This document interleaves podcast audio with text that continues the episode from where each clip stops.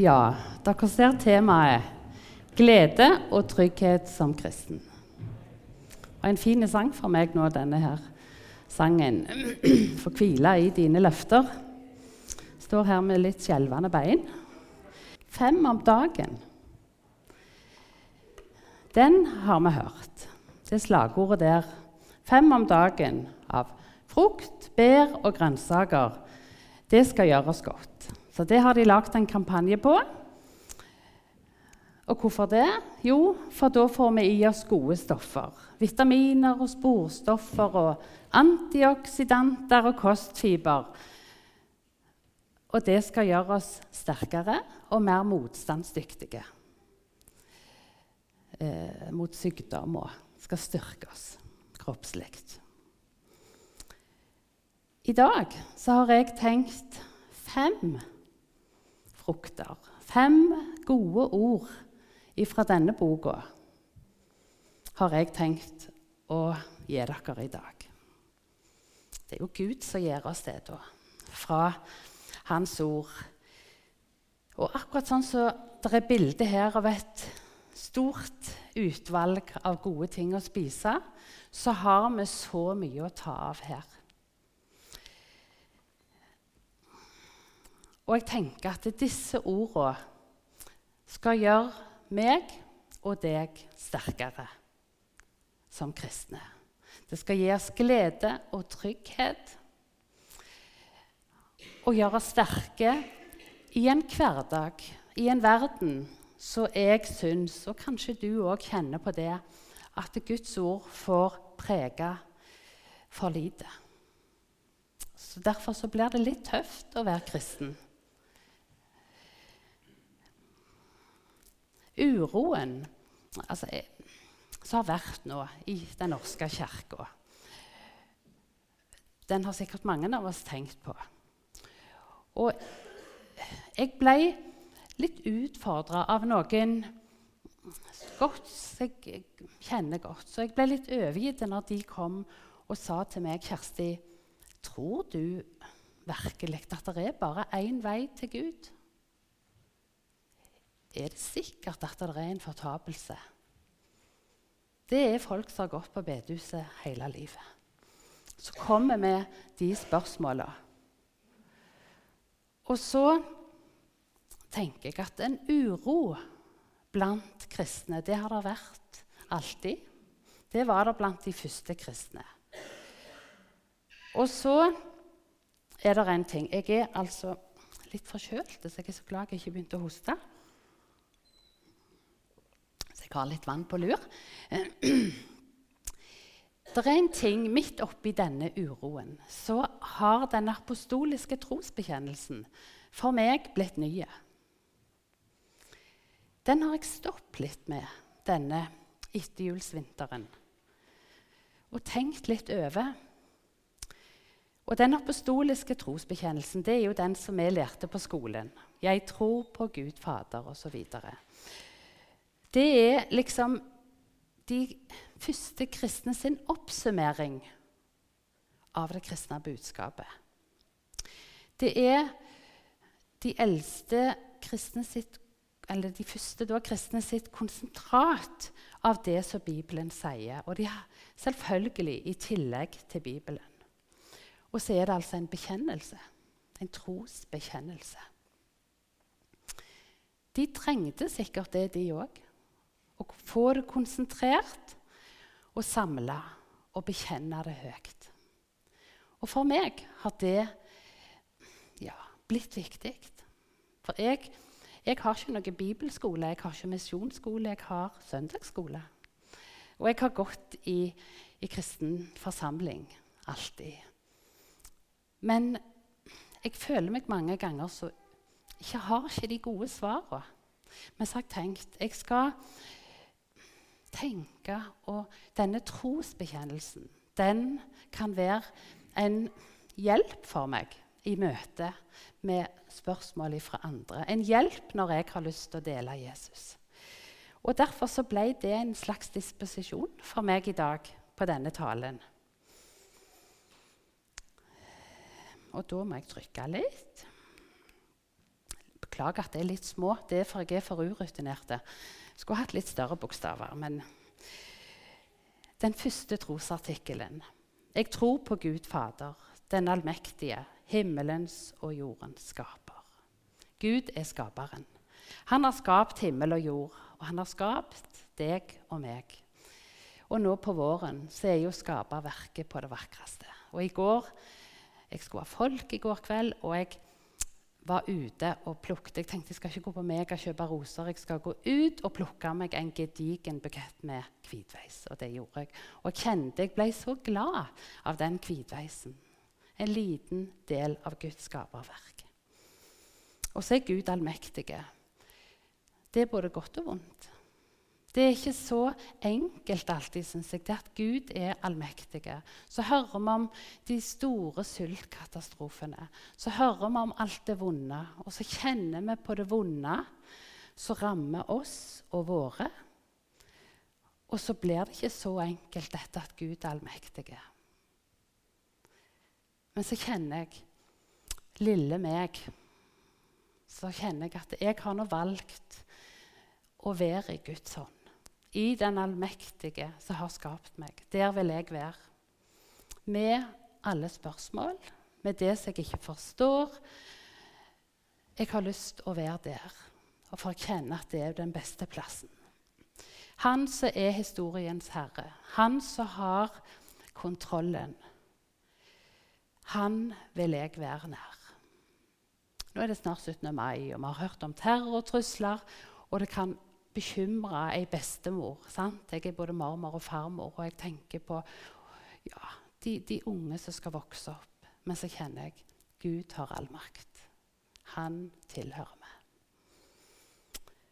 Og så kan vi tenke at Gud er der oppe i det høye. Er han en på avstand? Det var fantastisk. 2. mai kom jeg på jobb på personalrommet som ligger Rogalands Avis. Den er der jo. Og faktisk, hele forsida var dette. Jeg har funnet en gud som ikke er min sjef, men min far. Det var Benjamin som sier dette. Det er en historie om en som har konvertert fra islam og over til kristendom. Så møtte han en gud som ikke bare var en sjef som stilte krav, men en gud som var en far. For meg er far et godt begrep. Jeg hadde en så god far. Snille og trygge og omsorgsfulle.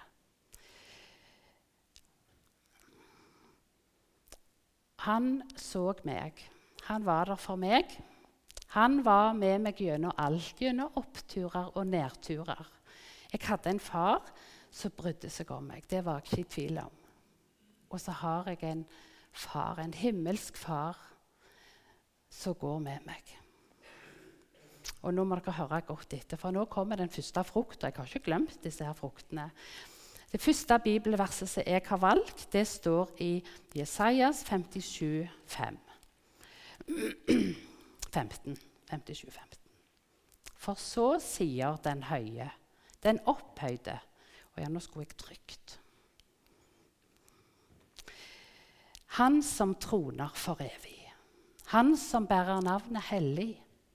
I det høye og hellige bor jeg. Og hos den som er sønderknust og nedbøyd i ånden. For å gjenopplive de nedbøydes ånd og gjøre de sønderknuste hjerter levende. Han er i det høye og hellige, men samtidig så bor han hos de som er nedbøyde i ånden og sønderknuste for han vil løfte oss.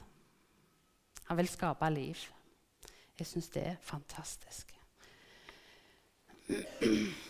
Sånn en far og skaper har vi. Og så i Bibelen så er det ikke sånn at alt er en dans på roser. I Bibelen så er ikke det vanskelige og vonde redigert vekk. Bibelen inneholder mange historier og fortellinger om bibelske personer som har det vanskelig. Så hvis du føler at det er noe vanskelig, så er du i grunnen lik med David, med Josef.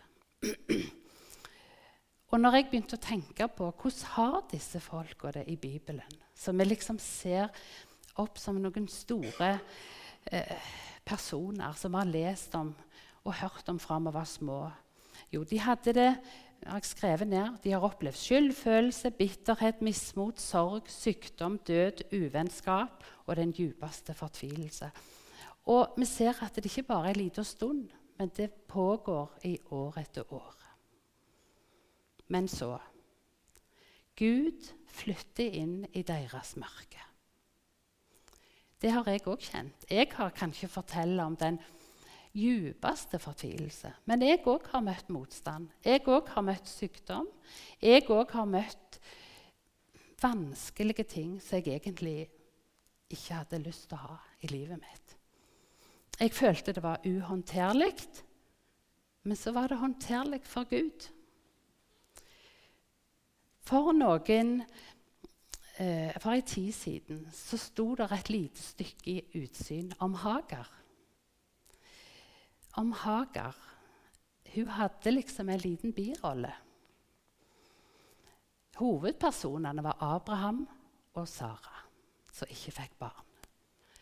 Så ble eh, Hagar den som ble gravid med Abraham. Hun var ei trellkvinne. Men så spissa det seg til mellom disse damene. Sikkert noe sjalusi. Så det ble vanskelig. Og Hagar hun syntes det ble så vanskelig hun orka ikke være der hos Abraham og Sara. Så hun flykter fra alt, ut i ørkenen. Og der ute i ørkenen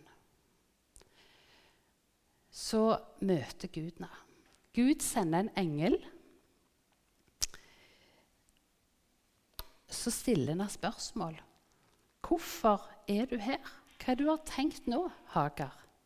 'Hvor er det du har tenkt deg?' Har du kjent det, at Gud kommer til deg i din ørken når du har det vanskelig? Har Gud stilt deg noen spørsmål? Hva tenker du nå? Hva, hvor har du tenkt deg? Har du tenkt deg vekk? Orker du ikke mer? Jeg syns det er fantastisk at Gud sender en engel til denne trellkvinna. Så Gud, han ser alle. En som har ei birolle. Kanskje så ville vi helst at Gud skulle vært sånn som curlingforeldrene. Men de har vi jo hørt om. De som koster og feier og gjør det så glatt at denne curlingsteinen den bare glir av gårde og at ungene bare kan seile av gårde uten hindringer. Og så har forskerne funnet ut, og det trenger jo nesten ikke være forskere for å finne det ut, men det hemmer mer utviklingen til barna enn fremme. Så er det gjerne noe der som vi ikke forstår, som vi ikke ser. At noe motstand gjør oss sterke. Men allikevel så forstår jeg ikke alt, for noen får mye. Men nå må vi øve Nei, nå må jeg jo ikke glemme den andre frukta. For all del. Det er jo et fantastisk vers i 1. Mosebok 16. Og det er Hagar som sier dette. Etter møtet med Gud så gir hun Gud et navn. Og Herren talte til henne. Kalte, og Herren som talte til henne, kalte hun ved navnet. Du er Gud den som ser. For hun sa, 'Har jeg virkelig fått se Han som ser meg?' Den erfaringen gjorde Hager seg ute i en tørre ørken. Så var det den andre trosartikkelen. Jeg tror på Jesus Kristus, Guds enbårne sønn, vår Herre, som ble unnfanget av Den hellige ånd, født av jomfru Maria, pint under Pontius Pilatus, korsfestet, død og begravet, for ned til dødsriket, sto opp fra de døde tredje dagen, for opp til himmelen, sitter hos Guds den allmektige Faders høyre hånd, skal derfra komme igjen for å dømme levende og døde. og det som jeg har tenkt på når jeg har holdt på med dette, det er at jeg er så glad for at denne artikkelen ikke handler om meg. Det er ikke nevnt noen ting om oss, meg og deg. Vi skal ikke gjøre noen ting. For det var blitt sånn at Gud måtte handle. Og han har gjort det uten at vi trenger bidra. Takk og lov.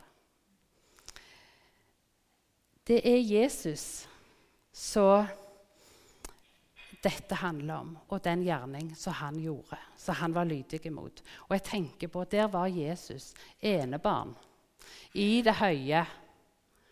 Og så blir han født til jord, og så blir han bare fornedra mer og mer til mer vi leser i denne her. Så er det jo forferdelig, det Jesus må gjennomgå. Og han blir et menneske og måtte i dødsriket, men så står han opp igjen.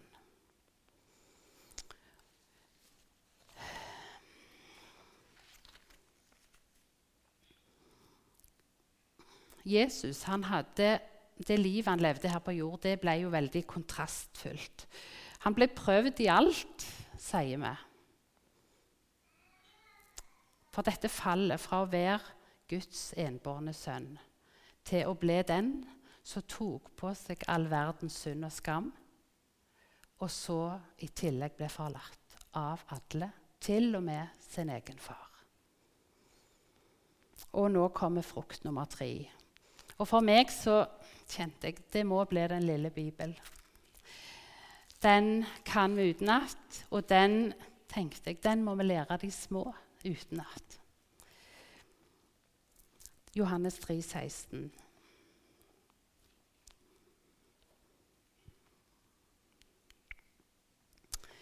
For så har Gud elsket verden, at han ga sin sønn den enbårne, for at hver den som tror på ham, ikke skal fortapes, men ha evig liv. Og så er det en frukt til som jeg vil trekke fram. Og den står Det er Paulus som sier det, og det står i andre kor 5.21. Så det er den fjerde frukta. Han Da må jeg trykke. Han som ikke visste av synd har, gjort, har Gud gjort til synd for oss, for at vi i ham skal bli rettferdige for Gud. Han som ikke visste av synd, har Gud gjort til synd for Kjersti. For at Kjersti i ham skal bli rettferdig for Gud. Og så kan du sette inn ditt navn. Tenk det å bli erklært rettferdig for Gud. Når du har ei skikkelig god frukt Jeg syns mango er veldig godt. Hvis den er sånn på det beste, da er det fantastiske, gode smaker i den. ikke sant? Eller ei veldig god appelsin, eller hva nå det er. Og da, når du har en sånn ekstra god, da sluker du den ikke. Da kjenner du det litt godt etter. Du kjenner på smaken og vil at det skal vare litt. Og sånn syns jeg disse to versene her er. Den lille Bibelen og dette verset om at vi er rettferdige i Han, det er noe som vi må bruke litt tid på. La det få synke i oss. La meg få kjenne hva det betyr. For det gir jo oss en garanti for evigheten. Det som står her, det er noe vi kan leve og dø på. For en glede og trygghet det gir meg som kristen. Og så artikkel nummer tre. Jeg tror på Den hellige ånd, en hellig allmenn kirke. De hellige samfunn, syndenes forlatelse, legemets oppstandelse og det evige liv. Den hellige ånd. Når jeg var sånn jentunge opp igjennom, så snakket de mye om lyskasteren. Og det syns jeg er et godt ord. Den hellige ånd skal kaste lys over meg og over Jesus. Når jeg, jeg liker veldig godt å strikke, det vet alle som kjenner meg litt. Og jeg strikker i bilen og hjemme og overalt og i tunneler og sånn. og der er det jo ikke alltid så godt med lys. Så når jeg har strikt i tunnelene, og når jeg kommer ut og det kommer godt lys, så ser jeg gjerne Oi, der var det noe galt. Da kom lyset og avslørte at her er det noe galt. Det vi går opp i. Sånn er det med Den hellige ånd. Han avslører oss. Han avslører synda hos oss. Og det trenger vi. Og så når vi ser den synda, så må vi gå til Jesus, for det er han som kan ta den vekk. Og så blir vi erklært rettferdige.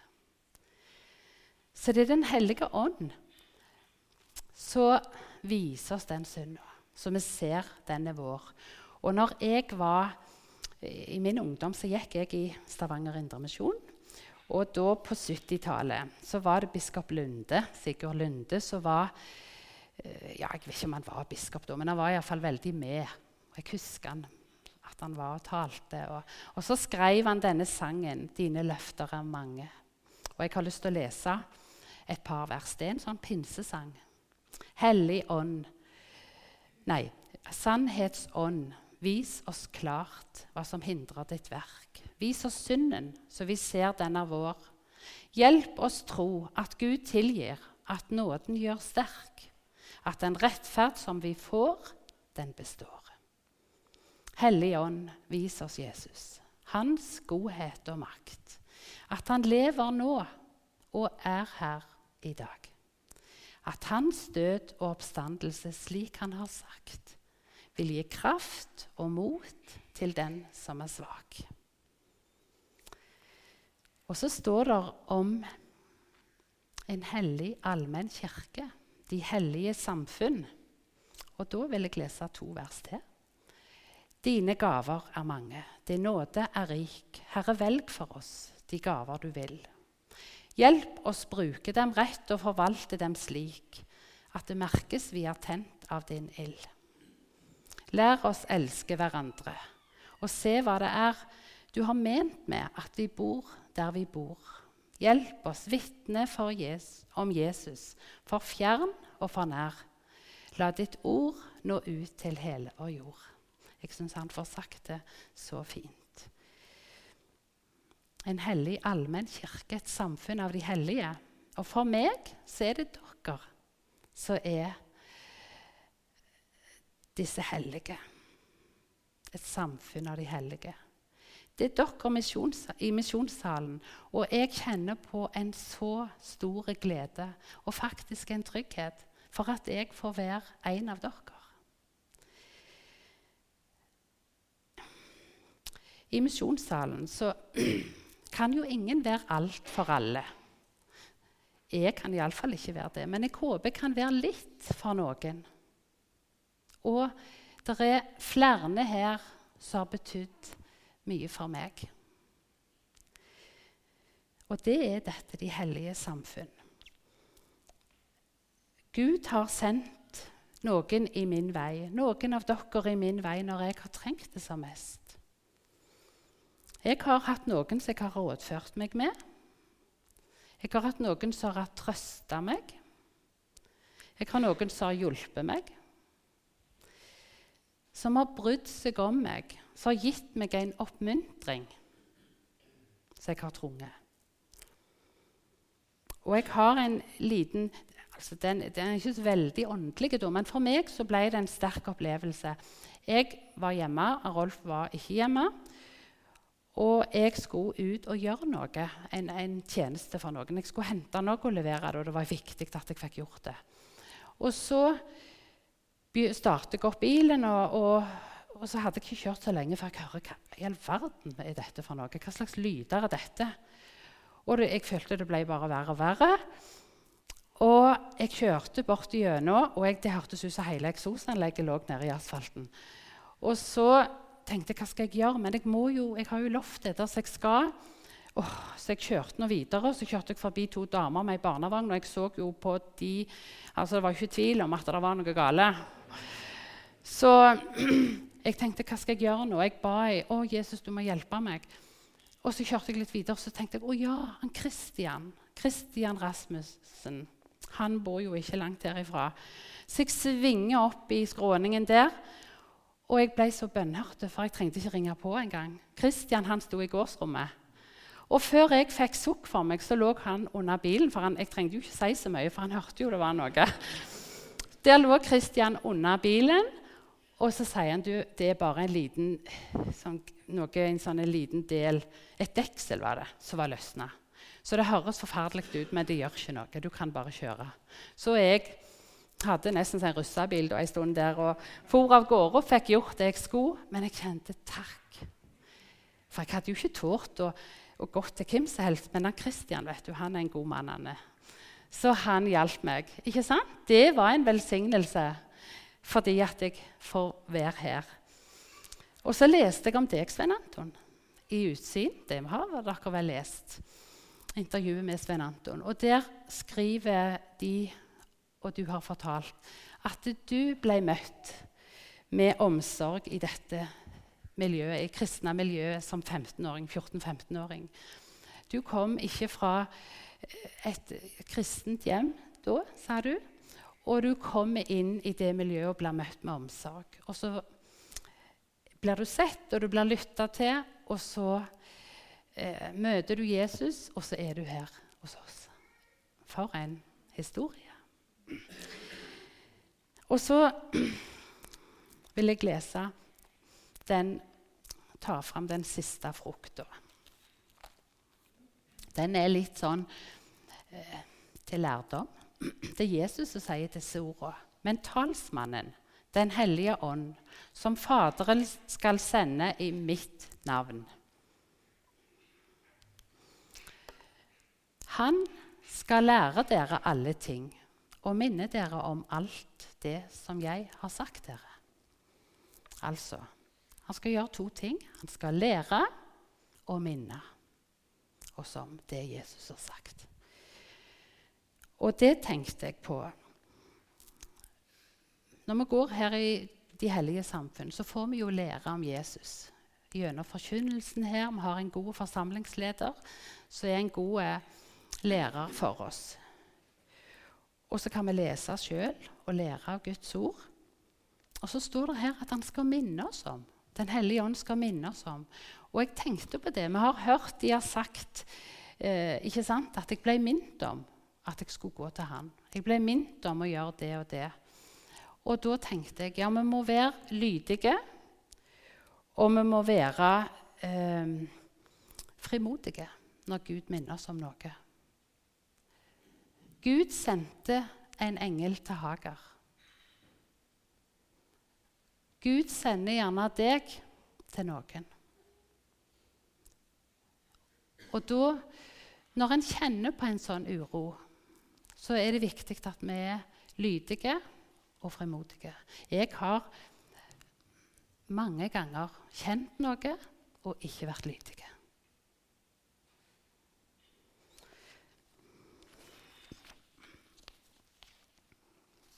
Da har dere fått fem frukter. Og jeg skulle ønske mange ganger at min tro var sterkere og stødigere enn han er. Men så er jeg så glad for, og jeg er så trygg på, at han som jeg tror på, han står støtt. Han er til å stole på. Han er klippen i mitt liv. Skal vi be. Kjære, gode Far. Takk for alle dine ord. Takk for Bibelen, som er full av ord som gir oss glede og trygghet. Jesus, hjelp oss å ta til oss av disse ordene, til å stoppe opp med ditt ord, til å bruke tid på ditt ord. For det trenger vi for å stå støtt i troa på deg.